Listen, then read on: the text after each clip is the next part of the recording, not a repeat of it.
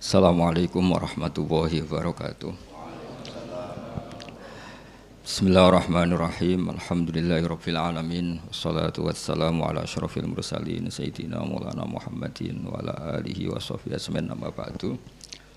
Tengarso para keluarga besar Ki Haji Munawir wabil khusus ingkang kegayutan kalian Ki Haji Najib nggih wonten Gus wonten Nyai Musta'anah, wonten Gus Masudi neng Nilnas danten keluarga Mbah Munawir mulai saking Nyai Hashimah, Mbah Ali Maksum, saking Mbah Zainal, saking Mbah Ahmad Komplek L, saking Mbah Nawawi, saking Nyai Walida, wonten Gus Asim, wonten sedanten para kiai ingkang kula hormati, wonten Kiai Said, Kiai Mas'ud, Kiai Habibullah, sedanten mawon ingkang kula hormati.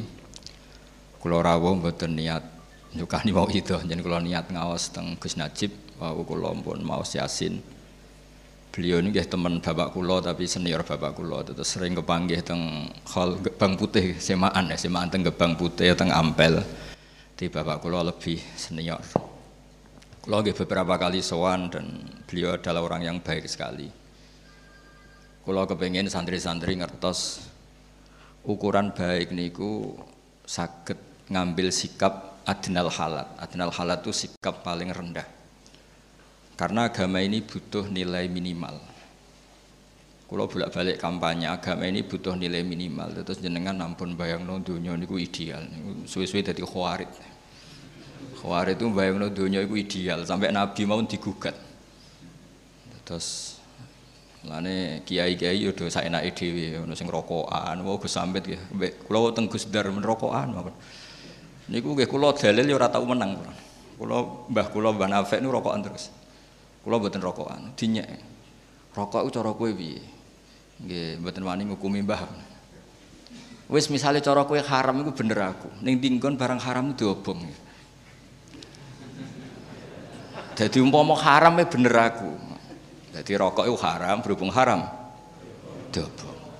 Jadi kula niku ora tau menang Dar Gus Hamid. Ya. Tapi insya Allah tengah akhirat menang nah, setelah menang kulo niku piye-piye niku jenenge ra rokok kan gak ono hisabe. Nak rokok ahli hisab. Niki kula nggih kalian Gus Najib nggih mesti guyon. Kula niku kencen umume kiai seneng guyon. Mergo mun ngempete mun kataan. Kadang ya wayah rawani, kadang ape apa-apa rawani hiburane ya guyon. Wow Gus Dar nggih ngeluh ngoten Mbah Munawir nak tawaf saged khatam Quran Gus. Tapi hiburannya garwane kata. Lah kula niki mboten. Terus Long niki keluarga standar nggih karena Rian Mbah Munawir ngaos Mbah Soleh Darat. Mbah Soleh Darat niku nate ngaos buyut kula ke-8 namine Mbah Soleh Asnawi Sepuh. Niku buyut kula ke-8 oh pinten. Kandung namine Fatimah, gada ibu Sofia, Hafsah, Maksum Soleh. Terus niki dzurriyatam ba'duha napa? Mimba. Terus nggih biasa mawon semua saling menghormati. Terus kula pas niku jagungan kalian Mbah Nafek, kalian Mbah Muat. Niku nggih pernah sepuh sedanten. Jadi Mbah Muat nggih ngoten. Rokok itu nak haram, malah keliru mbok simpen. Nara mbok rokok jenenge mbok simpen, tapi nak dirokok dihancurkan. Berarti sing muni haram kudu rokok, perkarane menghancurkan. Terus tau menang lah pokoknya secara debat. Tapi ini penting kalau aturaken kalau eling dawe Mbah wong iku kudu maklumi sing wis ana, sementing gak haram ora maksiat. Kok nak kowe darani rokok haram, gak darani kiai-kiai sing rokok fasik. Padahal Mbah Makhrus itu ya rokok. Mbah Mun mboten rokok, ngaramno santri rokok rawani mergo eling Mbah Makhrus. Lah kula akhire ya anut Mbah Mun, santri kula sing rokok niku kathah, padahal kula mboten rokok. Angger ape ngaramno kowe eling Mbah Makhrus, Gus Najib, Gus Hamid. Terus koyok minoritas kula. Jadi akhirnya kiai wedi santri nggih kula niki. Mergo santriku mirip kiaiku, mirip guru-guruku. Meskipun mirip itu dalam hal nembe rokoke. Akhirnya nggih mboten wani. Kula namung badhe cerita nggih. Kula suwun zuriya saking Mbah Munawir iku gadah watak asobia. Asobia niku yang positif tapi tentu yang positif. Kula riyen ngapal Al-Qur'an niku mboten nate diutus bapak. Bapak kula Ki Nur Salim akrab sangat kalian Gus Najib, senior Gus Najib. Rian ngawas teng Badullah, tapi sederenge mun hafal Quran saking dalam, saking keluarga, saking Kiai Subaidi. Rian Badullah kira amas yura nate ngawas Kiai Said Sampang. di antara ya dulu nggak ada guru tunggal karena Indonesia berlimpah tiang alim tiang hafid jadi buat nonton negara barokah kados Indonesia kalau eling dawe Mbah niki kalimat itu tidak saya rubah sama sekali bahasanya begini Mbah Mun hak Andalusia itu guling Andalusia itu sing riyen nate Ibnu Malik wonten Imam Qurtubi sing ngarang kitab uh, Imam Satibi ini termasuk tiang Qurtubah. Sing nazumaken qiraah napa sab'ah nggih Khirzul Amani sing dipakai Mbah Munawir mau sab'ah berdasar kitab Khirzul Amani terkenal Nazmus Syatibian sing terus diringkas Kiai Arwani dados Faidul Barokat ke sini niku dawuh Mbah Mun niku kula eling kalimat niku nih pangeran gak terima nak sing maca tasbih kurang. Mulane gawe demak bintoro redaksinya begitu pangeran gak terima nak sing maca tasbih kurang ning Eropa ning Andalusia teng Spanyol mereka pangeran kayak Demak Bintor jadi dan jelas saat ini kesampaian Rian ketika Andalusia niku kathah tiang alim niku nggih do sanget ngarang kitab.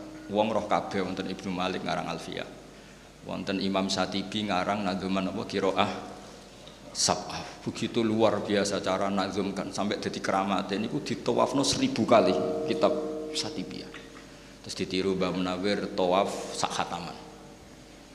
Terus ditiru putune mau cerita tok dereng lampahi tapi gitu lumayan burun cerita. Niki buatan gojlok Gus Dar lah kalau mau digojlok buatan sakit males. Tapi kalau akrab lah kalau hormat betul sama beliau tapi ini kalau cerita, tadi ciri utama agama niku saling diwaris. Rian bapak kalau betul nanti ngenten kalau apal Quran, tapi ngendikannya ngenten tok. Hak kena apal Quran, niku mateni obor. Sebenarnya anak merapal luwih dua alasan. Bapakku ora apa. Jadi angger bapaknya alim, anaknya alim, putune alim gampang. Anaknya tertekan terus lah. Kan gak ada alasan. Tidak bapaknya alim, anaknya maklaran. Wes enak lah. Putu ini ku mau enak lah. Mereka pas bapak wes maklaran. Jadi sanat itu harus kita jaga. Karena kalau seneng Zuriyah Kiai Munawir itu sih betul Quran. Meskipun betul Quran bentuknya nggak harus hafal ya. Wonten sing khidmah binati yang sing macam-macam. Riyen nggih teng dunia Gus wonten Gus Me, wonten Gus Nasi, wonten ya banyak lah Gus-gus yang binati yang macam-macam. Teng politik ya riyen Gus Wahid politik, Gus Dur nggih Mbah Mun gada putra Gus Yasin. Yang penting niku gada mental bina napa masyarakat. Wasiat yang sering diulang-ulang oleh Mbah Kulo suatu saat ini yang diceritakan Imam Ghazali suatu saat ada abid zahid alim. Karena kumpul wong mangkel sering kecewa terus uzlah teng dhuwur gunung. Wiridan nak rapi kumpul wong lu ribet. Kulo niku mulane terkenal alim asline nggih risi tapi nggih seneng. Senenge niku sing hasud ben kompetisi. Jadi sing seneng ben niru sing hasud ben kompetisi. Buatan kok hasut gremeng tok buatan terus kompetisi. Kepengen ngalah no pulau terus sinau wahab sinau majmu kan terus ngeluh ya mbak? Tapi ini cerita ya. Ini ceritanya keluarga kulo si alim ini terus uzlah uzlah teng dhuwur gunung. Cara saat ini mungkin kita merapi terus diparani kalian wali sing pun senior wali sing pun tetek cara di kiai wis tetek. Diwaca kan waca Quran. Cek ayat iki waca. Di antara ayat itu ada terusan kalimat wa udzu fisabili jadi syaratnya jadi kiai ya rodok wa udzu fisabili disakiti dalam jalanku. Nah kowe uzlah ya ora sing mbuli. Dadi enak tengok-tengok awor macan awor kethek ya ora sing ngenyek. Dadi kowe ora nglakoni wa udzu napa fisabili itu masih agak balelo lah masih gak nurut sama gurunya tapi ketika ada wali lagi yang lebih senior bilang, kamu ke sini itu berarti tarok tu umat Muhammadin Sallallahu Alaihi Wasallam fi aidil mubtadi'ah. Jika kamu tidak mau memimpin dengan madzhab ahli sunnah wal jamaah dan kamu menghindari, artinya kamu membiarkan umat dipimpin kelompok yang lain. Dan isu bisa mubtadi'ah, bisa kafiroh, bisa mudillah, bisa mukhtari'ah apa saja. Jadi dianggap keluar dari arena itu adalah membiarkan umatnya Nabi dipimpin orang-orang yang tidak ahli sunnah wal jamaah. Sehingga orang-orang alim dulu Mbah Munawir itu Indonesia belum merdeka. Tapi beliau yatasodda li ta'limil qiraati sab'i. Beliau siap tahayyuk mengajarkan qiraah napa? sab'an. Padahal wong bakasane cek mangan. Wong cek kelaparan. Begitu juga Bali Maksum, sedanten Mbak Abdul Qadir, sedanten Mbak Zainab mengajarkan ilmu. Karena sekali ini nggak kita ajarkan, mereka punya kebahagiaan yang lain.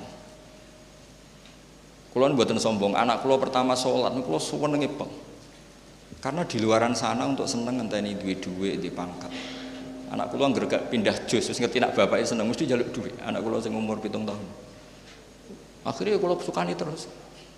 Gara-gara kulo niku khawatir nak senenge piyambake terganggu. Jadi piyambake itu sumpun jenenge muda jus niku sumpun. Dan itu kita jaga. Mulane riyen-riyen mulai riyen nek khataman yo mayoran. Ben nate seneng khatam. Senajan to khatamnya kadang nggih karu-karuan. Pokoknya khatam aja dites lah intinya itu. Tapi ben seneng. Karena seneng terhadap kebaikan itu perlawanan terhadap seneng kepada kemungkaran. Qul bi fadlillah wa bi rahmati fa bidzalika falyafrahu. Wong kudu seneng mbek kebaikan. Karena itu bentuk perlawanan terhadap senang harus lewat jalur nopo mak maksiat. Kalau ada kitab Kasifatus saja karangan Imam Nawawi, ada beberapa kitab termasuk karangan Al Mundiri, At Tarhib wa Tarhib. Itu tentang dokumen Suhufi Ibrahim, itu wasiat terbesar itu wa alal akil kada wa kada di antaranya itu wa ladzatun fi ghairi muharramin. Ada yang redaksi wal tidadun fi ghairi muharramin Cara melawan setan di antaranya kamu harus menikmati sesuatu yang tidak haram. Oh, hidup di kota di kerapiak itu kan berat. Di kota apa saja ada. Tapi santri-santri sewenang, so setor gak meluntir itu sewenang. Utau meluntir pas kiai ini rodok sare itu sewenang. Selamat maksudnya seneng ini. Kok sewenang, keliru-keliru sidik rakonangan itu. Sewenang. Khataman kok urune tolong juta matur wong tuane limang juta saweneng soalnya rada badan-badani saweneng niku didukung oleh agama sing penting mboten haram. Lah nek sampean takok bodoni wong tua kok halal Gus kok haral wong tuane rido. Jadi halal itu terlambat. Jadi kok bodoni haram bareng ngerti wong tuane rido? Halal. Nek ora rido ya kebangetan. Duit digo anake kok gak rido wong tua model opo kan terus jadi agama ini juga harus dikawal dengan adnal halal. Sehingga ya harus ada orang yang sholatnya cepat. Bukan karena kita mensyariatkan sholat cepat. Kalau semua orang itu sholat sempurna, akan dikira syarat sahnya harus seperti itu. Tapi harus ada adnal halal, sikap paling rendah. Supaya orang tahu batas mini minimal. Sehingga ya sudah tumak ninahnya sujud itu bikodri subhanallah, tumak ninahnya ruko ya bikodri Subhanallah piye? Pokoke subhanallah. Nganti makmume bingung saking napa cepete. Tapi punya efek positif, setan yo bingung apa godo jebule wis bar. Ibnu Abbas itu nak sholat cepet. Niku ditakoki, lima ada, kenapa kamu cepet? Jadi ubadiru wasa isa setan. Jadi setan cek toto toto aku sholatnya wis bar. Tapi ini nggak bisa ditiru. Ini cerita mawon maksudnya ini cerita. Sampean ra cocok ya monggo, cocok ya ampun lakoni ini. Karena kula nu nggih khusuk nak salat aja terus ngebayangno Gus nak salat cepet mboten kula nak salat nggih khusuk. Setidaknya ukuran saya sendiri. Eh kula ini cerita, terus kula wau mengkonfirmasi berkali-kali wingi sing lepas Gus Najib, Kiai Najib niku Gus Hilmi dan dipersaksikan di depan orang banyak ya tentu waris-warisnya bertanggung jawab semua termasuk Gus Hamid, Gus Masudi dan semuanya. Kalau tak cerita sekedap, itu tradisi leluhur Orang Jawa itu kalau mau nikah setengah bulan maupun satu bulan, kok keluarganya bapaknya meninggal itu kan diakatkan di depan jenazah. Itu dulu Rasulullah Shallallahu Alaihi Wasallam ketika intakola ilar rofiqil a'la bahasa halusnya meninggal untuk Nabi itu nama intakola ilar rofiqil a'la. Sudah pindah ke alam ar-rofiqil a'la. Itu pemaknaan ar-rofiqil a'la itu kita tidak pernah tahu tapi sudah Nabi masyur di antara kalimat yang terakhir beliau lafadzkan adalah Allahumma ar-rafiqal a'la. Kemudian Sayyidah Aisyah ngendikan, "Idzan la yaktaruna." Kalau begitu Nabi gak milih kita, tapi milih ar-rafiqal a'la. Ya kira-kira maknanya itu apa ya? Ya pokoknya begitu alamnya Allah taala sana di itu Nabi saya hitung, pernah tak hitung, wafat sekitar jam 10 siang hari Senin. Itu dimakamkan malam Rebu kalau kita menghitung itu berarti Senin, Selasa, Rebu. Tapi itu hitungan yang keliru. Kenapa keliru? Karena dengan menghitung seperti itu seakan-akan Nabi itu nyuwun sewu sahabat sahabat itu tidak melakukan syariatnya Rasulullah Shallallahu Alaihi Wasallam yaitu asri'u bil janazah janazah harus dipercepat tapi sahabat itu ngadepi sesuatu yang luar biasa yaitu siapa pengganti Rasulullah Rasulullah itu andaikan diganti Nabi Ibrahim saja itu masih kurang karena beliau Sayyidul Am Ya, diganti Nabi Musa pun masih kurang karena Nabi ini ketua Sayyidul Ambiya. Apalagi nyuwun sewu terima diganti seorang sahabat. Itu tidak gampang. Dan dalam pemilihan itu ada tiga kriteria. Kalau pernah sepuh menang Abbas. Karena Abbas ini pamannya Rasulullah SAW. Abbas ini saudaranya Sayyid Abdul. Tapi problemnya Abbas, Islamnya secara lahir terlambat, yaitu beliau Islam setelah peristiwa apa? Badar. Berarti cara lahir Islamnya kan ada mantu Sayyidina Ali dan Utsman ada poin berdasar poin kalau berdasar poin yang paling lama dari Nabi dan sudah dewasa yaitu Abu Bakrinis Siddiq ya secara lahir itu geger-geger terus orang Ansor matur minna amir wa minkum amir. Ya sudah setiap klan punya pemimpin sendiri. Geger-geger. Dan mereka ingin bahwa pergantian itu disaksikan setidaknya oleh jenazah Rasulullah Shallallahu Alaihi Wasallam.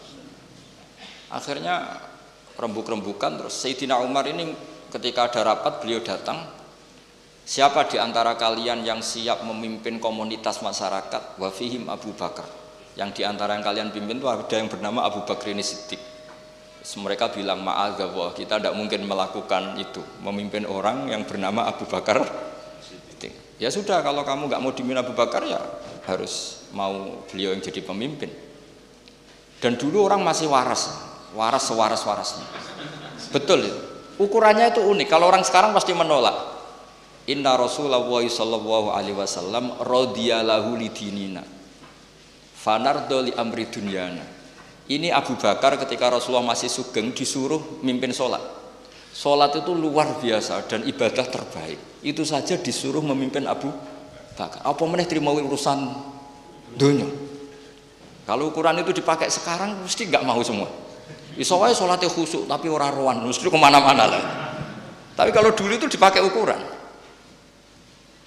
Rasulullah itu ridho so Abu Bakar menjadi pemimpin sholat dan sholat kayak apa posisinya dalam Islam imaduddin Sholat adalah al-munajat, sholat adalah mi'raju arwahil mu'min. Luar biasa lah status. Itu saja dipimpinkan, disuruh mimpin siapa? Apa meneh terima urusan ini Akhirnya mereka itu semua dipimpin Abu Bakrinis. Kelar. Artinya kelar itu mereka ingin khilafah itu disaksikan jenazahnya Rasulullah Shallallahu Alaihi Wasallam. Artinya adat-adat ketika bapak wafat masih ada jenazah beliau ya saya dinobatkan penggantinya. Dulu ketika buyut saya Ki Zubaidi wafat ya putranya langsung dinobatkan. Begitu seterusnya adat-adat kiai. Jadi yang dilakukan Gus Ilmi itu sudah benar memang adatnya diumumkan ketika belum dimakamkan. Terus adat-adat di Jawa terus nikah masih di depan jenazah itu juga ada padanannya bahwa orang-orang yang spesial ini meskipun sekarang sudah jenazah ikut menyak menyaksikan ini penting kalau aturakan supaya berapapun kadarnya itu ada padanan yang pernah dilakukan Rasulullah Shallallahu Alaihi Wasallam. Kalau dalam bahasa kias ilhakun nazir bin nazir yang mirip-mirip. Nah kenapa kulo fanatik seperti itu? Karena agama ini yang miliknya Allah Taala. Niku ngendikane Nabi Nabi nggih wattaba'tu millata abai Ibrahim wa Ishaq wa Yaqub. Padahal hadat din dinullah, hadat din dinul Islam. Tapi wong bin Asobiyah niku nyebut aku ora ngarah kafir. Wong bapakku nabi, bapakku kiai. Dadi cara putu Mbah Munawir, aku mesti njaga Quran. Iku Qurane mbahku. Cara putu Mbah Zubair, aku kudu ahli fikih. Wong iku fikih Mbah Zubair. Makanya ada istilah ini makhrot Mbah Munawir, makhrot Mbah Arwani. Padahal makhrot-makhrot itu kan milik Rasulullah sallallahu alaihi wasallam. Karena mutalakon min afwahil masyaya, syekhon an syekhin, jilan an jilin, kabiron an kabirin. Tapi dengan diistilahkan ini makhrotnya Mbak Munawir, ini makhrotnya Mbak Arwani. Keluarga ini harus menjaga karena ini milik keluarga. Agama juga gitu, semua nabi nak ngetikan millata abai. Ini agama leluhur kami. Tuhan juga sama, Allah itu milik kita semua. Tapi kena donga kudu muni Robbi. Pangeran ingsun seakan-akan kamu itu memiliki sendiri. Nggak boleh pas kamu bilang Robi terus malaikat enak eh pangerannya wong akeh aku dewian nggak boleh seperti itu. Kalau malaikat gitu tak akan ngaji lagi. Itu memang harus ada asobia ya Robi duh pangeran ingsun. Nggak boleh malaikat mensomasi enak saja Allah itu Rabbul Alamin gak pangeranmu tok. Nggak bisa. Harus ada asobia sehingga dengan merasa itu kados bapak kula nggih perasaan kula niki nerusno Qur'ane bapak nerusno alime buyut-buyut kula. Jadi anggere ape bodho ya rada isip. Kadang kula ndek kitab saking buyut kula sing riyen termasuk gurune Mbah Soleh Darat niku. Kitab ithaf. Niku nak dibuka langsung putung. Ngantos sak mangke? Akhirnya alhamdulillah atau tak buka anggere tak buka ini putung. Tapi sebagai cucu yang baik saya beli ithaf baru. Tak sinauni. Karena yang ini kita tak buka mesti putung saking lamanya ya lumayan kena gue teror sidik-sidik maksudnya gue teror itu buyutmu di sini sama kitab iku. Kue piye? Terus akhirnya ya rada keteror sidik-sidik akhirnya ya ngaji. Dan itu sunnah itu pak para nabi. Terus kalau suwon semuanya begitu. Di kalangan Habib ini ada Habib Sayyidi Barakbah yang namanya diluruskan Sayyid Umar katanya Habib Sayyidi ini kenangan sama Sayyid Umar gimana dipanggil Mas muka Sayyidi Terus Habib Umar bilang, gurunya Habib Umar Hafid, kalau kamu namanya Sayyidi saya harus manggil gimana? Beliau kan ya bingung karena beliau orang Arab. Ya tuanku kan. Jadi kalau di sini nggak apa kan, nggak pati do paham. Tapi bagi orang Arab kan, nanti kalau Habib Umar manggil ya Sayyidi, orang-orang bilang, oh itu berarti bosnya Sayyid Umar. Jadi ya para Habib ya seneng guyon ya rileks gitu. Supaya tadi faroh billah. Jadi agama ini harus dinisbatkan kepada masing-masing supaya ada asobia. Dulu Said Ali Zainal Abidin itu orang kadang ada pengemis itu kan agak risih ya. Tapi Said Ali Zainal Abidin itu kalau ada pengemis ngasih uang itu marhaban biman hamala zadi ilal akhirah. Matur nuwun jeng yo sing nggawa sanguku ning akhirat. Jadi kalau ngasih orang itu dianggap apa ya? Nabung ya, nabung di bank akhirat. Nabi itu luar biasa cara men-set pikirannya. Pernah suatu saat Rasulullah tanya, ya Aisyah sarapan jatah saya mana? Sudah tak kasihkan orang ya Rasulullah habis. Nabi terus ngendikan, riwayat saya pakai mudakar ya karena rawinya sudah banyak yang mudakar. Eh, Wahalla kami malika illa ma labista fa ablaita wa akalta fa afnaita wa tasaddaqta fa abqaita. Jadi kalau kamu sodako pada orang lain itu hakikatnya justru kamu menyimpan uang itu. Jadi kalau kamu punya uang satu miliar, kalau ingin masih ya yang 100 juta itu sodakohkan itu yang masih. Suatu saat kalau kamu poya-poya dengan yang lain ada yang 100 juta masih. Karena kamu sodakohkan wata sodakta fa'abukoida jadi hakikat sodako itu justru mengabadikan nah ini dimaksud wa ma tuqaddimu li anfusikum min khairin tajiduhu indah justru yang sudah kamu kasihkan ini yang abadi. Sehingga dengan cara pandang seperti itu sodako itu ringan karena kayak nabung. Terus kata Imam Ghazali trik kedua dan kamu jangan pernah mengira bahwa yang menerima sodakoh itu biah wajah min hajati sawabi sodakoh dan kamu jangan menganggap penerima sodakoh itu lebih butuh kepada uang itu. Kamulah yang lebih butuh terhadap ajrus sodakoh sehingga ketika kita memberi orang itu merasa kita ini utang jasa karena dengan ada yang terima sodakoh kita ditulis sebagai mutasodik dan gara-gara itu kita nanti di beri pahala orang yang sedekah. Jadi makanya orang Jawa itu luar biasa kalau sedekah itu tolong beb niki jenengan terima, tolong yai niki jenengan terima. Orang Jawa itu luar biasa didikan guru-guru kita. Kalau ngasih orang itu nak diterima itu matur nuwunnya bukan. Nah itu didikan yang diikhya. Jadi is matur nuwun matur nuwun kalau tolong niki ditampi karena dia butuh sekali terhadap ajrus sedekah atau ajrul hadiah atau apalah. Nah dengan seperti itu kita kemungkinan itu latub tilu sodakotikum bilmani wal ada itu kecil. Bagaimana kita ngundat-ngundat wong kita yang untung. Nah makanya tadi saya punya saran orang tuh harus asobiah tapi asobiah yang baik. Karena kadang Quran juga ngajari seperti itu man amila solihan fali nafsi.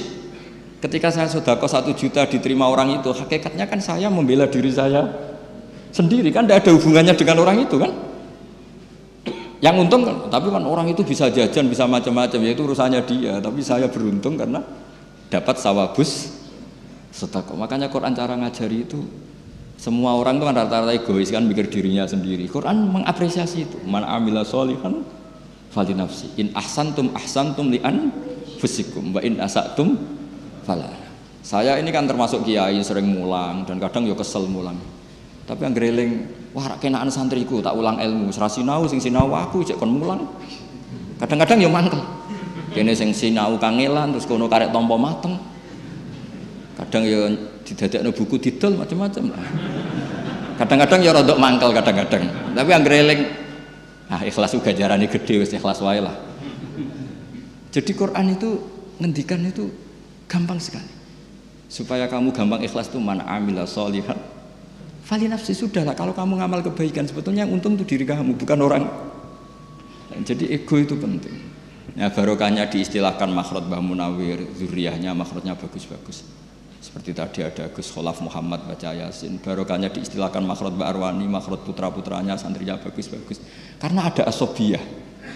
Ini warisan Mbah Nawawi, warisan Bali Masum. Barokahnya asobiyah itu orang ingin menjaga. menjaga.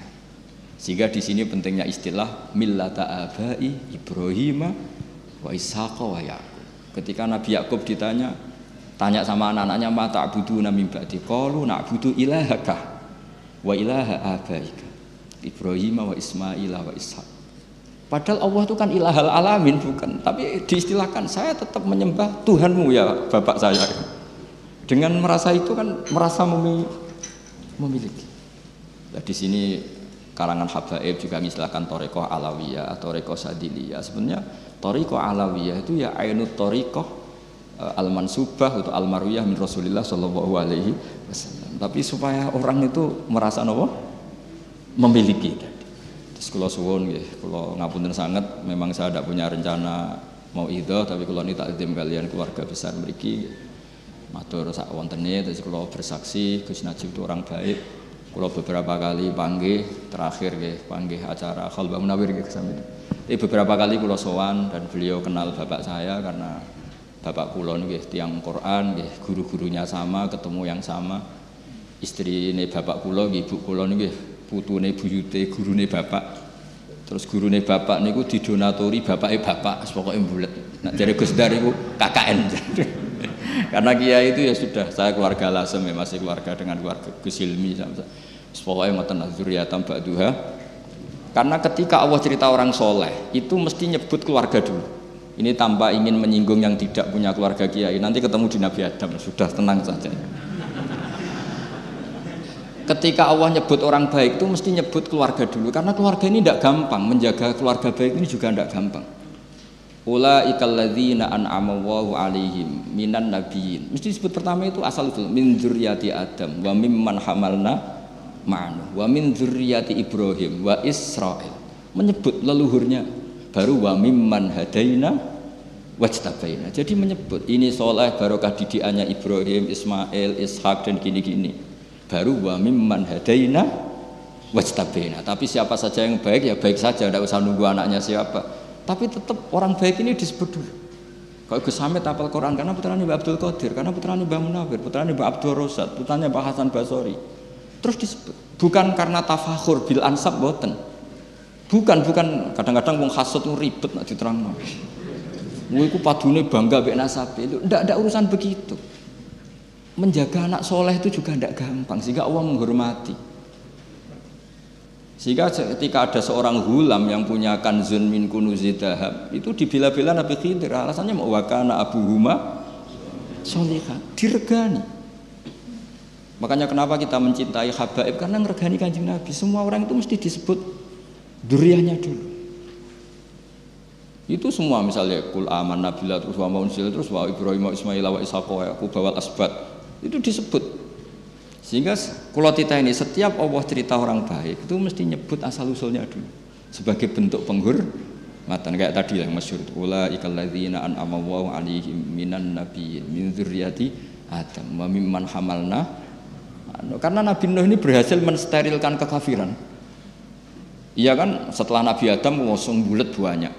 Ketika peristiwa Nuh semuanya orang itu mati kecuali orang 80 yang ikut jadi generasi kita ini sebetulnya sudah istilahnya agak bani Adam lagi sebetulnya. Zuriyataman hamalna ma'an. Makanya istilah kita ini dua kali disebut Quran, kadang disebut ya Bani Adam, kadang disebut zuriyataman hamalna ma'anu karena fase kedua ini kita sudah dengan atas nama zuriyataman hamalna ma'anu dan itu steril sudah nggak ada yang min awaladil kufar. Makanya disebut min zuriyati Adam wa mimman hamalna ma'an disebut lagi wa min zuriyati Ibrahim wa Israel. Israel nama lain dari Nabi Yakub. Buatan Israel sing sakniki buatan terus wa mimman hadaina wajtabaina terus eh, kita cerita nasab itu bukan tafakhur tabahi yang mentahkir menghina nasab lain itu buatan ngergani leluhur. Ya apa ngergani wong lain wis ribet golek donya dagang anak ini diulang Quran bareng kira asap ameh mati sana ini diulang kira napa sabah kadang ya mangkel. Kalau riyen diulang sabah niku kalian bapak diwarai yo kadang mangkel. Gopo tapi saiki jebule penting.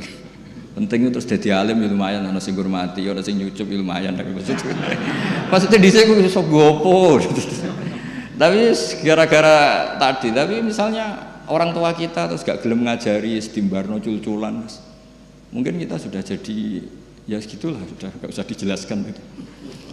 Nah, gara-gara itu orang-orang tua kita ini diregani oleh Allah Subhanahu wa taala. Wa kana abuhuma salih. Itu dihormati. Itu dalam kitab Sayyid Muhammad diterangkan pada itu Abu Sabek mbah ketujuh. Lu ya coba efek dari Mbah Munawir itu cucu keempat kelima masih dihormati. Efek dari Mbah Hashim juga gitu.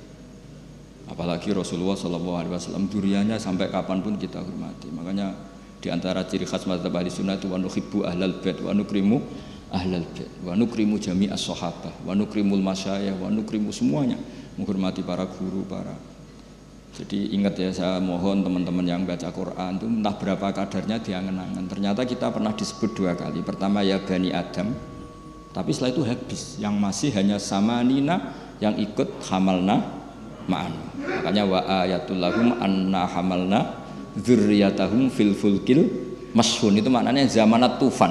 Apa? Zamanat tufan. Ketika zamanat tufan semuanya habis kecuali orang 80 yang ikut perahu Nabi. Nuh makanya disebut di surat Isra kita ini disebut dzurriyyataman hamalna ma'an.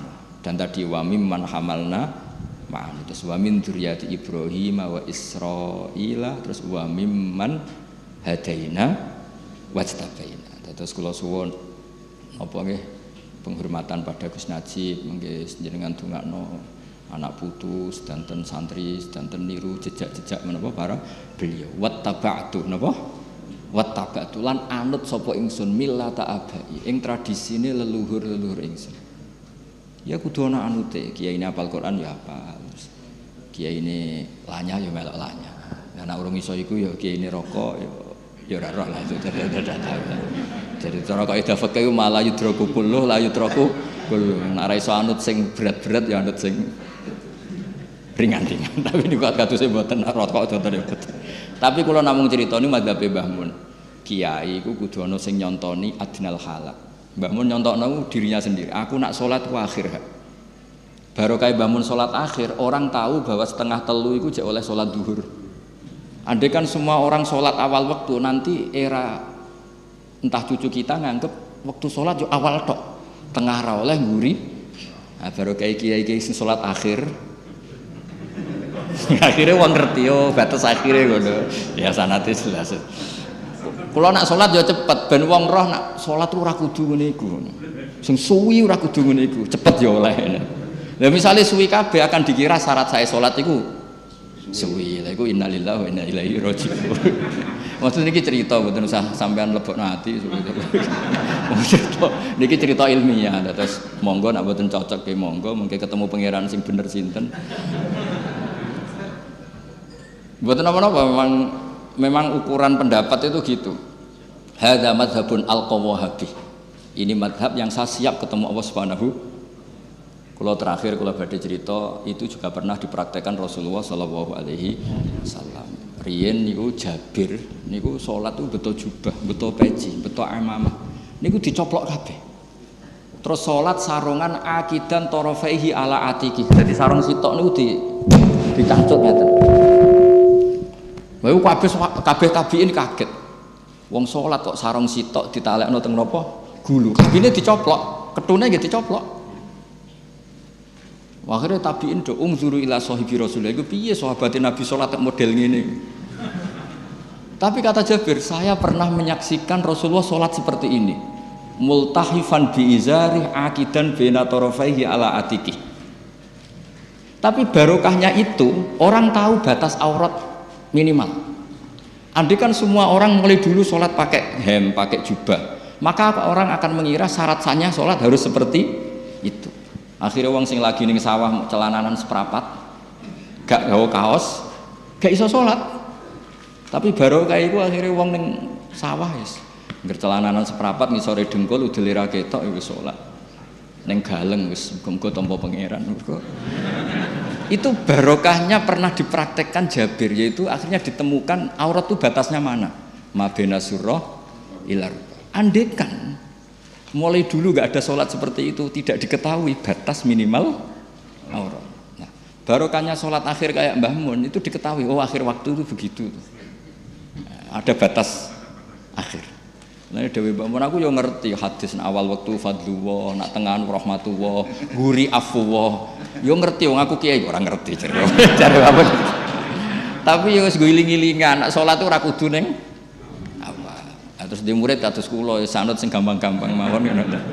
Terus di penggemar kok jenengan wis padha wae lah. Dadi sebenarnya iki cerita rileks guys, pokoke mungkin iki sedanten muyasar guys, pokoke ala inna awliya Allah la khaufun alaihim wa lahum yahzanu lahumul busyra fil hayatid dunya wa fil akhirah mugi-mugi Gus Najib angsal busyra fil hayatid dunya wa fil akhirah ngoten mawon ngapunten kang kathah assalamualaikum warahmatullahi wabarakatuh